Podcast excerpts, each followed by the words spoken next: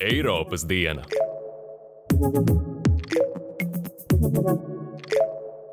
Sveicināti Eiropas dienā! Es esmu Monika Cālīte. Un es Andris Auzāns.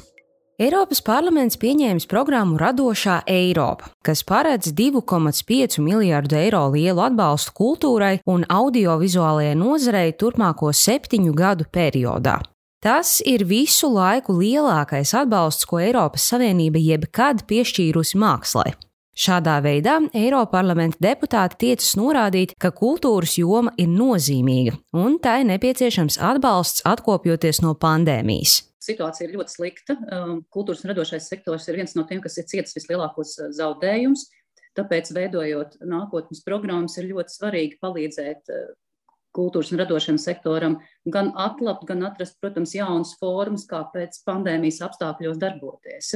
Par vienu no veiksmīgākajām Eiropas Savienības programmām tiek uzskatīta Erasmus, Eiropas Savienības pamata programma izglītības, apmācības, jaunatnes un sporta jomā. Eiropas parlamenta deputāti maijā pieņēma Erasmus programmu nākamajam periodam līdz 2027. gadam. Tai paredzēts finansējums vairāk nekā 28 miljārdu eiro apmērā. Tas ir teju divreiz vairāk nekā iepriekšējā periodā, kas ilga no 2014. līdz 2020. gadam. Lielāks finansējums, protams, ļaus būtiski palielināt dalībnieku skaitu. Programmā ir jaunas prioritātes. Tā kļūs iekļaujošāka, zaļāka, digitālāka, ērtāk izmantojama. Lielāks iespējas iesaistīties būs arī pieaugušajiem. Šajā podkāstu epizodē par jaunumiem programmām izvaicājām Māju Kolbergu, jaunatnes starptautisko programmu aģentūras projektu vadības un uzraudzības daļas vadītāju. Ir vairāki projektu veidi arī, kas, kas tieši mudina jauniešus pašiem domāt, pašiem plānot, izrādīt savu iniciatīvu, um, attīstīt tādā veidā arī savu uzņēmēju spēju.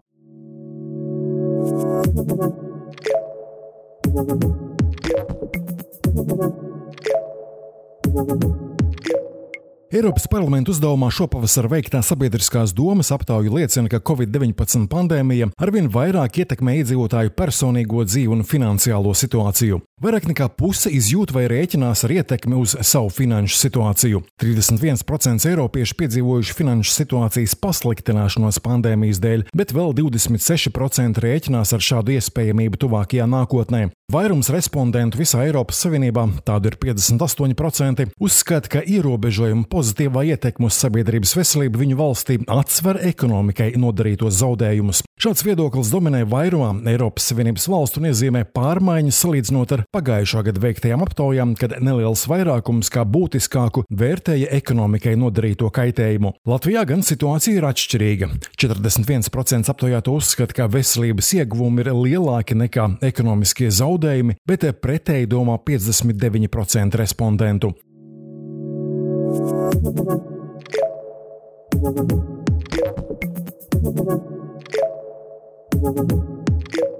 2,5 miljardi eiro. Tas ir visu laiku lielākais atbalsts, ko Eiropas Savienība piešķīrusi mākslai, apstiprinot programmu Radošā Eiropa 2021. līdz 2027. gadam. Jaunās programmas budžets, salīdzinot ar iepriekšējo septiņu gadu periodu, ir gandrīz divkāršojies. Eiroparlamenta deputāti norādījuši, ka atbalsts programmai liecina, ka viņi novērtē kultūras nozares nozīmi un vēlas palīdzēt tai atkopties pēc pandēmijas, kuras dēļ daudz vietā Eiropā kultūras norises vietas vēl joprojām ir slēgtas. Eiropas parlamenta deputāte Dace Melbārda no Nacionālās apvienības norāda, ka atbalsts šobrīd ir ļoti būtisks. Tomēr ceļš līdz tik ievērojami finansējuma piešķiršanai nav bijis viegls situācija ir ļoti slikta. Um, kultūras un radošais sektors ir viens no tiem, kas ir cietis vislielākos uh, zaudējumus. Tāpēc, veidojot nākotnes programmas, ir ļoti svarīgi palīdzēt kultūras un radošiem sektoram gan atlapt, gan atrast, protams, jaunas formas, kā pēc pandēmijas apstākļos darboties. Programmas uh, nu, viennozīmīgi būs vērsta uz atbalstu radošiem cilvēkiem, dodot viņiem iespējas meklēt jaunas formas, kā sadarboties. Programmai ir um, jāatbalsta gan uh, jaunrade, gan mākslinieku radošo profesionāļu sadarbības eh, tīkli un organizācijas. Ļoti svarīgi ir atbalstīt eh, arī pašu radošo cilvēku mobilitāti. Tās sarunas nebija vienkārši, tāpēc, ka sākotnēji sākotnēji Eiropas komisija nāca pat ar piedāvājumu samazināt budžetu kultūras sektoram. Un jāsaka, ka šeit, pateicoties tieši Eiropas parlamenta un kultūras izglītības komitejas ļoti stingrai nostājai, ir izdevies šo budžetu ne tikai saglabāt, bet palielināt. Melbārda norāda, ka ņemot vērā pandēmijas apstākļus, programmai jābūt pietiekami elastīgai, lai tā varētu pielāgoties reālajām kultūras nozares vajadzībām. Tāpēc, atklājot programmu, notiks debates un diskusijas ar Eiropas radošo kopienu. Lielākā daļa radošās Eiropas finansējuma, 1,4 miljārdi eiro, piešķirti apakšprogrammā Mīdija, Eiropas filmu un audiovizuālo darbu izstrādei, popularizēšanai un izplatīšanai Eiropā un ārpus tās. Savukārt apakšprogrammā Kultūra piešķirtie līdzekļi būs novirzīti pārobežu kultūras un radošās sadarbības projektiem starp organizācijām un profesionāļiem dažādās jomās. Tradicionāli radošā Eiropa fokusējas uz kultūras jomu un audiovizuālo sektoru, tomēr šoreiz programma pirmo reizi paredz atbalstu arī ziņu žurnālistikai un medijiem. Lai gan šis būs kā izmēģinājums, Melbārda norāda, ka mediju darbs ļauj Eiropā uzturēt demokrātiju kā vērtību. Tāpēc ir ļoti būtiski, lai beidzot būtu pastāvīgs finanšu instruments ziņu medijiem un kvalitatīvai žurnālistikai. Radošās Eiropas programmai ir trīs virzieni, ir trīs apakšprogrammas. Pirmkārt, tā ir programma kultūra, kas dod iespēju veidot uh, kopīgus projektus ar uh, citu valstu kultūras darbiniekiem, uh, radošajiem profesionāļiem, veidot kopīgas kultūras aktivitātes, kopīgas iniciatīvas, kopīgas izstādes dažādas citas pasākumus. Otrs šīs programmas virziens ir mēdīji, kas ir vērsts uz to, lai atbalstītu Eiropas filmu un audiovizuālo sektoru. Un arī šeit uh, galvenie pasākumi, kas tiek atbalstīti, ir saistīti ar filmu, audiovizuālo darbu kopradi, to uh, popularizēšanu un izplatīšanu, kas arī ir ļoti nozīmīga vajadzība Eiropas līmenī. Un, protams, ka ļoti svarīgi pievērst uzmanību arī, lai šie Eiropas darbi būtu konkurētspējīgi starptautiskā līmenī. Pirmo reizi trešās apakšprogrammas ietveros, kas ir starpnozara programma, izveidota atbalsta pakete ziņu mēdījiem, plašsaziņu līdzekļiem, kvalitatīvas žurnālistikas eh, veidošanai, mēdīju pratībai. Jāsaka, ka šo virzienu es lieku ļoti lielas cerības un, un ceru, ka tas nākotnē pārtaps par tādu pastāvīgu radošās Eiropas apakšprogrammu. Un es ļoti ceru, ka arī uh, Latvijas mēdīju organizācijas žurnālisti aktīvi izmanto šīs programmas iespējas un arī sniegs savu atgrieznisko saiti par to, kā šo programmu nākotnē veidot labāku. Līdzīgu viedokli pauž arī Lelda Ozola, programmas radošā Eiropa informācijas centra vadītāja no Nacionālā kinocentra. Jo acīm redzami kaut kādi notikumi politiskajā sfērā Eiropā ir uh, darījuši bažīgus uh, šīs politikas veidotājus, ka varbūt ziņu, ziņu speciālistiem ir jādod iespēja vienam no otra atkal mācīties vairāk. Ja kādu brīdi, man, manuprāt, tas bija palaists pašplūsmā tādā ziņā, ka šķita, ka demokrātiska, žurnāli, demokrātiska žurnālistika jau ir pašsaprotama lieta Eiropā. Acīm redzami, šobrīd ir saprasts, ka varbūt tas nebūtu tā nav. Un tā ir tāda, manuprāt, vienīgā lieta no tā, ko es esmu šobrīd redzējis no jaunās programmas, eh, kas ir tāda pilnīgi jauna. Ozola norāda, ka līdz šim programma ir bijis nenovērtējams atbalsts Latvijas audiovizuālajam sektoram. Kopš 2002. gada Latvijas audiovizuālā nozara piesaistījusi vairāk nekā 7 miljonus eiro, kas palīdzējuši attīstīt 95 filmu projektus Latvijas organizāciju vadībā. Tikmēr apakšprogrammā Kultūra pēdējo septiņu gadu periodā konkursos īstenoti vairāk nekā 70 projekti ar aktivitātēm gan Latvijā, gan ārzemēs. Kultūras ministrija lēš, ka šī perioda laikā tieši kultūras projektu īstenošanai piesaistīts vairāk nekā miljons no programmas budžeta. Atbalsta mehānismam ir ļoti būtiska ietekme bijusi uz uh, Latvijas filmu un audiovizuālo nozari jau daudzus gadus. Tas ir uh, turpinājies un visādā veidā veicinājis visas um, audiovizuālās nozares uh, sadaļas, gan uh, projektu attīstīšanu un ražošanu, filmu projektu attīstīšanu un ražošanu, gan festivālu organizēšanu, gan, gan kino teātru, teiksim, gan digitalizāciju, gan iespēju rādīt Eiropas filmas. Tad no tām pēdējo gadu filmām, kas ir uh, guvušas atbalstu Mm, arī radošā Eiropas mēdīņu programmā ir piemēram diezgan labi pazīstamā filma Jālgava 94 vai Dāvida Sīmaņa filma Tēvs nakts vai animācijas projekts Jēkabs Mimī un runājošie suņi, kā arī vecmeistara Ivers Elecka filma turpinājums, kas bija brīnišķīga filma un Lotte no izgudrotāja ciema. Un modris, manuprāt, filma modris arī bija šādā veidā mm, izrādīta citās valstīs. Radošā Eiropa pamatā ir orientēta uz Eiropas valstu savstarpēju sadarbību un tāda mēroga projektiem, kam ir potenciāls kļūt pamanāmiem starptautiskā līmenī. Melbārda norāda, ka Latvija šajos sadarbības modeļos visbiežāk ieņem partnervalsts lomu. Bet man ir jāatzīst, ka Latvija ir viena no tām valstīm, kas visbiežāk ir partnervalsts. Un eh, tas, ko es gribētu iedrošināt eh, Latvijas eh, organizācijas, ir aizvien vairāk arī censties būt nu, šai vadošajai valstīs, veidojot projektus. Un, un tāpēc ir ļoti svarīgi, ka valsts līmenī mums pie, mēs pievēršam pietiekoši lielu uzmanību mūsu kultūras sektora kapacitātes stiprināšanai, lai mēs esam spējīgāki šīs Eiropas Savienības programmas apgūt un piesaistīt līdzekļus un būt arī projektos vadošā valsts. Valsts institūcijām, kas atbild par metodisko darbu un par atbalsta instrumentiem kultūras radošam sektoram, domāt par nopietnākām izglītības programmām, lai sagatavotu mūsu cilvēkus e e Eiropas uh, programmu, arī Eiropas fondu apguvēji, uh, jo tas prasa zināmas prasmes, un mums ir nevalstiskās organizācijas, arī audiovizuālā nozarē mums ir privātā sektorā strādājošās organizācijas, kurām jau ir iemaņas, kas var palīdzēt. Atbildot uz Melbārdas pausto, Lelda Ozola atzīst, ka cilvēki bieži patiešām ir apjukuši un pat jūtas vainīgi lūgt palīdzību projektu rakstīšanā. Tomēr šādām sajūtām nesot pamata. Bieži vien cilvēki domā, ka tas ir tā kā, nu, ka viņi tā kā neērti jūtās prasīt šādu pakalpojumu. Es vienmēr gribētu iedrošināt, ka tas ir uh, tas ir mans darba pienākums to darīt. Tā kā nevajag justies vainīgiem vai eh, slikti, ka, bet tieši otrādi vajag nākt un izmantot šo, šo resursu. Atbalstīt eh, projektu rakstīšanā ir viens no eh, mēdīju biroju uzdevumiem un darba pienākumiem. Tas ir vienmēr bijis eh, un būs. Eh, tā kā es arī gribētu izmantot iespēju un aicināt eh, jebkuru, kurš domā par projektu iesniegšanu, vērsties pie mums kinocentrā, pie manis, un mēs varam kopīgi mm, skatīties, kā, kā, kā labāk un kurā virzienā, jo radošā Eiropā mēdī ir vismaz 14 dažādi konkursi dažādos laikos, tā kā droši vien cilvēkiem arī uh,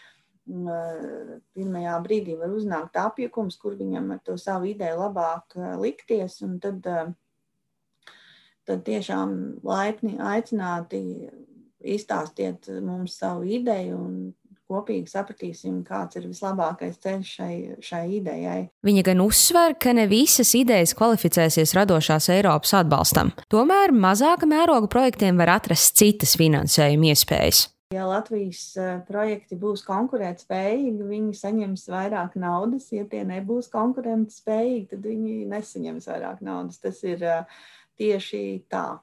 Un, eh, kas ir gan labi, gan slikti, bet es savā veidā domāju, ka tas nemaz nav slikti. Tādēļ, ka tas, tas tiešām veicina to, ka cilvēki rakstot projektus, saprot, apzinās to milzīgo Eiropas konkurenci, ar kuriem viņi satiekas. Tie ir lieli projekti, kas iesaista Eiropas valstis. Eh, ja, ja ir šādi projekti, tad ir eh, vērts iet un lūgt atbalstu vai rakstīt projekts un meklēt atbalstu šo lielo projektu realizēšanai. Ja ir neliels re reģionāls vai, vai pat vietēja mēroga projekts, tad, manuprāt, produktīvāk ir meklēt tās finansēšanas iespējas arī tepat uz vietas. Arī Melbārda norāda, lai gan radošā Eiropa ir galvenais, tas noteikti nav vienīgais finanšu instruments kultūras nozares atbalstīšanai.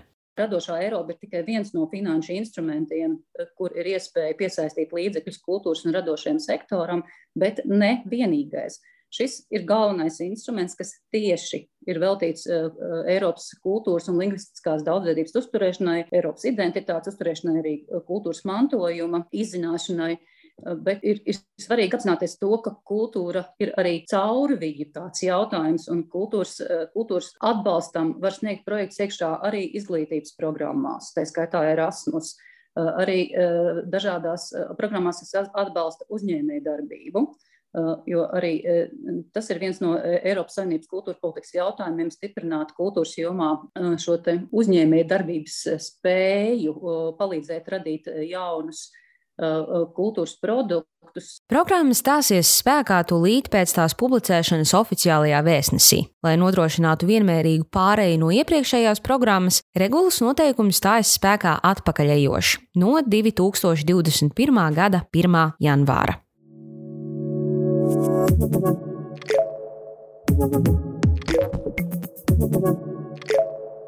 Thank you. Erasmus programma nosaukt izcilā renesanses domātāja un rakstnieka Rotterdamas Erasma vārdā. Kopš programmas dibināšanas 1987. gadā, proti vairāk nekā 30 gadu laikā, tās dalībnieku skaits pārsniedzis vairāk nekā 10 miljonus.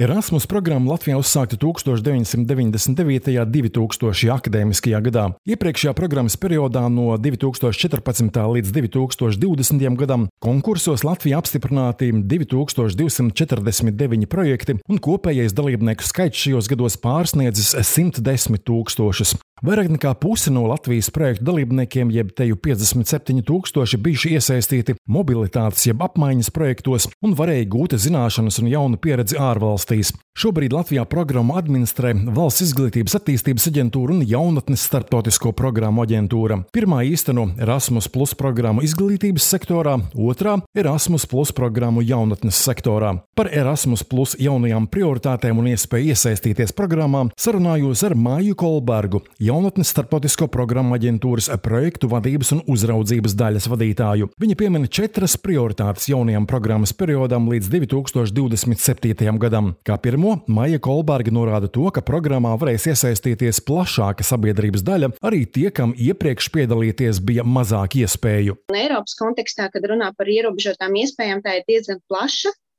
dalībnieku grupa. Tie ir ne tikai jaunieši, teiksim, vai, vai dalībnieki ar, ar invaliditāti, fizisku vai garīgu, bet tie ir arī um, varbūt dažādi ekonomiskie šķēršļi.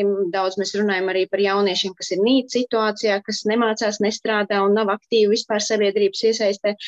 Tāpat runā par dažādiem ekonomiskiem šķēršļiem, veselības problēmām, mācīšanās grūtībām. Arī tie jaunieši var būt no attālākiem reģioniem, kam nav tādas pašas iespējas kā, kā citiem. Te jāpiebilst, ka programmas dalībnieki, kuriem nepietiek līdzekļu, lai sektu sākotnējās izmaksas dalībai programmā, piemēram, par vilciena biļeti vai dzīvesvietas rezervāciju, varēs saņemt papildu dotācijas, tostarp arī avansa maksājumus. Pieteikums, kuros paredzētas lielākas izmaksas, nedrīkstēs noraidīt, ja tās ir saistītas ar iekļautības veicināšanu. Maija Kolberga piemin, ka jaunā prioritāte dot iespēju piedalīties Erasmus programmā arī tiem, kam tas nav bijis vienkārši, Latvijā īstenota arī iepriekš. Mēs ar šo prioritāti esam strādājuši arī jau iepriekšējos septiņus, man liekas, 14 gadus.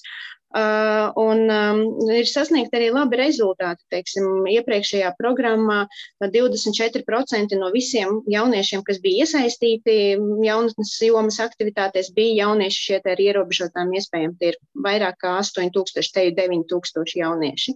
Kā nākamā prioritāte Erasmus Plus programmā tiek nosaukta rūpes par vidu un vidas ilgtspēju. Programmai jāsniedz ieguldījums mērķos, kas saistīti ar Eiropas Savienības klimata jomas uzdevumiem un jāsamazina savu darbību ietekmu uz vidi, piemēram, dalībnieku vidū rosinot klimatam draudzīgus pārvietošanās veidus. Jebkurā projektā Eiropas komisija aicina domāt par to, lai projekts ir ilgtspējīgs, izmantot varbūt um, transporta līdzekļus, kas, um, um, kuri mazāki CO2 izmeši izmešiem, nezinu, mazāk lietot varbūt drukātos materiālus, tiešām izvērtēt, vai ir nepieciešams um, um, lietot tik daudz pārtikas, ja, un, un tā tālāk. Bet nu, kopumā um, arī runāt par šo jautājumu un iznest sabiedrībā, domāt gan par savu līmeni, kā es to varu mainīt, kā mana organizācija to var darīt un kā mēs vispār kopumā Latvijā varam mainīt savus paradumus, lai padarītu mūsu, mūsu aktivitātes zaļākas. Kā trešā prioritāte Erasmus Plus programmā minēta līdzdalība demokrātiskajā dzīvē.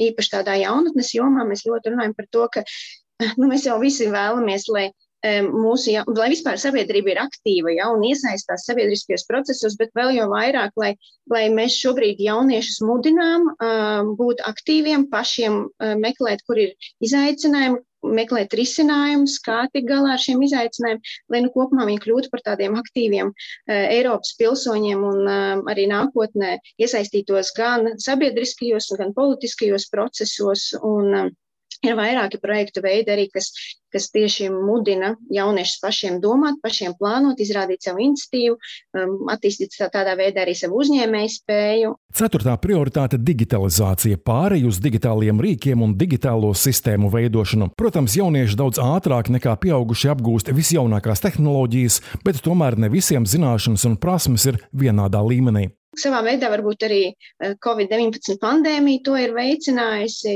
jo mēs bijām spiesti visi pārorientēties no klātienes aktivitātēm uz virtuālajām aktivitātēm, bet um, arī turpmāk Eiropas komisija mudina domāt par nevis tādiem par tādiem vienreizējiem, varbūt arī risinājumiem, bet par tādiem ilgtermiņa risinājumiem, par sistēmām, kā mēs varam um, veikt, nu, teiksim, mēs runājam par jaunatni, ja tad darbu ar jaunatni digitālajā veidā, uh, bet um, arī kopumā vispār celt um, sabiedrības kompetences, digitālās kompetences, jo, nu, noteikti tas līmenis nav vienlīdzīgs, nav vienmērīgs. Svarīgi, ka jaunā Erasmus Plus programma būs kandidātiem vienkāršāka un saprotamāka. Tai būs lietotājiem draudzīgākas IT sistēmas un mazāk formalitāšu. Eiropas komisija izstrādājas arī vienoto um, Eiropas Savienības programmu platformu, kas um, ir sava veida atvieglojums um, īstenotājiem, projektu iesniedzējiem, jo viņiem Eh, visa informācija ir viena vieta, gan par jaunatnes jomas projektiem, gan par um, izglītības un mācību projektiem. Um, tāpat tā ir tā pati vietne, kur viņi var reģistrēties, tā ir tā pati vietne, kur viņi var iesniegt projektu, sniegt atskaiti. Nu, būtībā viņiem viss ir pieejams vienu vietu, ja, jo līdz šim tā uh, Eiropas komisijas rīki bija tiešsaistē, digitāli, sava veida kā liekas ērti lietojumi, bet viņi bija daudz dažādās izkaisītās platformās. Ja? Tad šobrīd tas viss ir vienu vietu un tādā veidā nu, atvieglo šo sadarbību ar, ar arī nacionālajām aģentūrām. Protams, šobrīd Covid-19 pandēmijas dēļ daļa starptautisko aktivitāšu ir piebremzētas un tiek gaidīti labāki laiki, bet daļa organizāciju ir gatava savas programmas realizēt arī virtuāli. Tomēr nacionāla līmeņa projekti tiek īstenoti, jo organizācijas spējušas jaunajai situācijai pielāgoties. Viens no jaunumiem turpmāk arī iniciatīva Discover EU būs daļa no Erasmus Plus programmas. Tas sniedz iespēju jauniešiem sākot no 18 gadu vecuma pieteikties vilciena brīvbiļetei, ar kuru apceļot Eiropu. Ceļojuma laikā mācoties, piemēram, apmeklējot intensīvus valodu kursus vai piedaloties muzeja rīkotā seminārā un atklājot Eiropas kultūru un valodu daudzveidību. Maija Kolberga norāda, ka šogad Latvijai Erasmus Plus programmā kopumā pieejami vairāk nekā 26 miljoni eiro gan apmācību, gan izglītību izglītības, gan jaunatnes jomas aktivitātēm.